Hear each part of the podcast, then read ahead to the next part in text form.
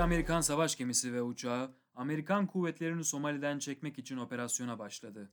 Ordu, Pentagon'un talimatıyla bu hafta yüzlerce askerin diğer bölgelere taşınacağını ifade etti.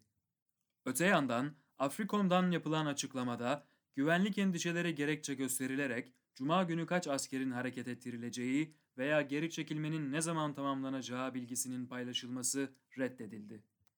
Stars and Stripes'ta yer alan habere göre Afrikom, Eşşebab'a karşı sınır ötesi operasyonlar yürütmek amacıyla yaklaşık 700 askerin komşu ülkelere yeniden konumlandırılacağını ifade ediyor. Ülkelerin isimleri verilmese de Amerika Birleşik Devletleri'nin Cibuti ve Kenya'da askeri üsler bulundurduğu düşünüldüğünde bu iki ülke muhtemel ülkeler olarak değerlendiriliyor.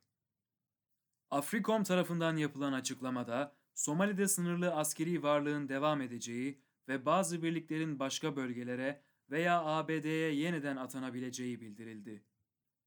Somali'deki Amerikan birlikleri anti-terörizm operasyonları ve Somali güçlerine özellikle Eşşebab'a karşı mücadelelerinde eğitim ve yardım desteği gibi faaliyetler gerçekleştirmekteler. Somali'deki militan grup 10 yıldan fazla bir süredir faaliyet gösteriyor ve ülkedeki ABD destekli hükümeti devirmeyi hedefliyor. Ayrıca ABD birlikleri kuvvetlerinin geri çekilmesi sonrasında dahi devam etmesi beklenen terörist hedeflere sıklıkla hava saldırıları düzenliyor. 25 Kasım'da yayımlanan ABD Savunma Bakanlığı Müfettiş Genel Raporu, Afrikom yetkililerinin son aylarda Eşşebab'ın bölgedeki ABD çıkarlarına saldırmaya odaklanmasında kesin bir değişiklik gördüklerini bildiriyor.